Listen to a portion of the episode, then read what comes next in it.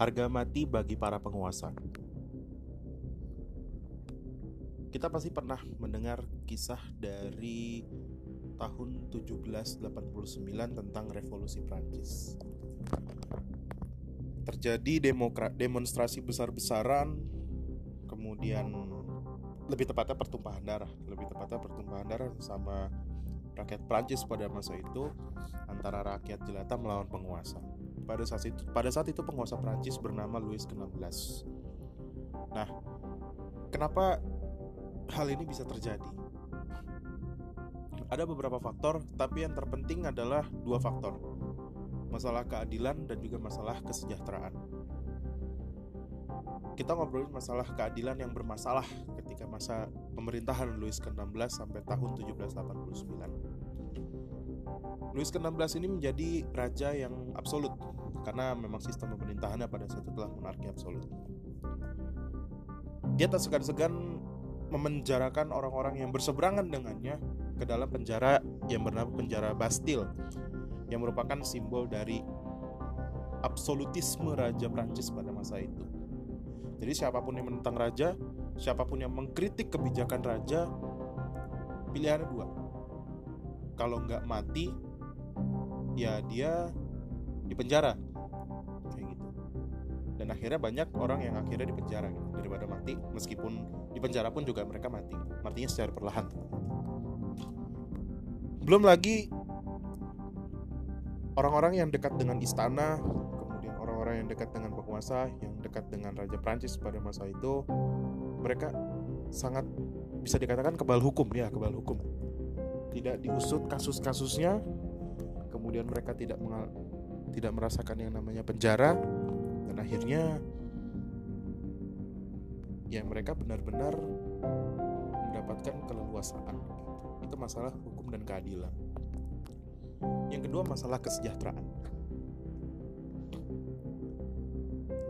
salah satu yang melatar belakangi terjadinya revolusi Prancis masalah ekonomi, masalah kesejahteraan. Pada masa itu di Prancis memang paling banyak rakyat yang berprofesi sebagai petani, petani miskin, buruh-buruh miskin, pedagang-pedagang miskin. Tapi mereka diberi mereka mendapatkan kewajiban dari penguasa pada saat itu untuk membayar pajak. Mungkin bisa 50 sampai 70% pajaknya.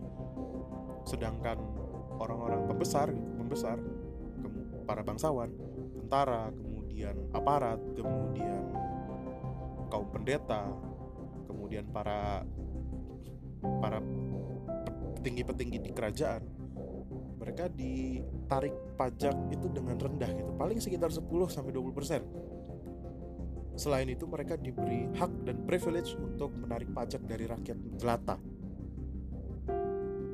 Itu satu. Kemudian yang kedua di saat rakyat Prancis pada saat itu susah untuk makan, susah untuk hidup, tetapi Raja Prancis dan juga istrinya yang bernama Marie Antoinette mereka malah mengadakan pesta besar-besaran di istana.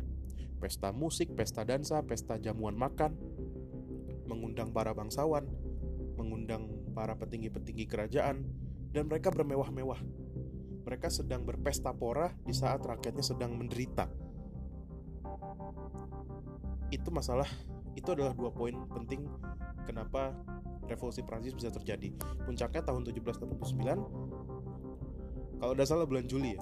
Kalau tidak salah bulan Juli 1789 terjadilah demonstrasi besar-besaran yang saya sebut lebih tepatnya adalah pertumpahan darah, perang saudara antara rakyat Prancis dengan para aparatur dan juga para penguasa. Kemudian Marie Antoinette ditangkap, Louis ke-16 ditangkap dan akhirnya mereka dihukum mati dengan cara dipancung dengan alat yang bernama guillotine.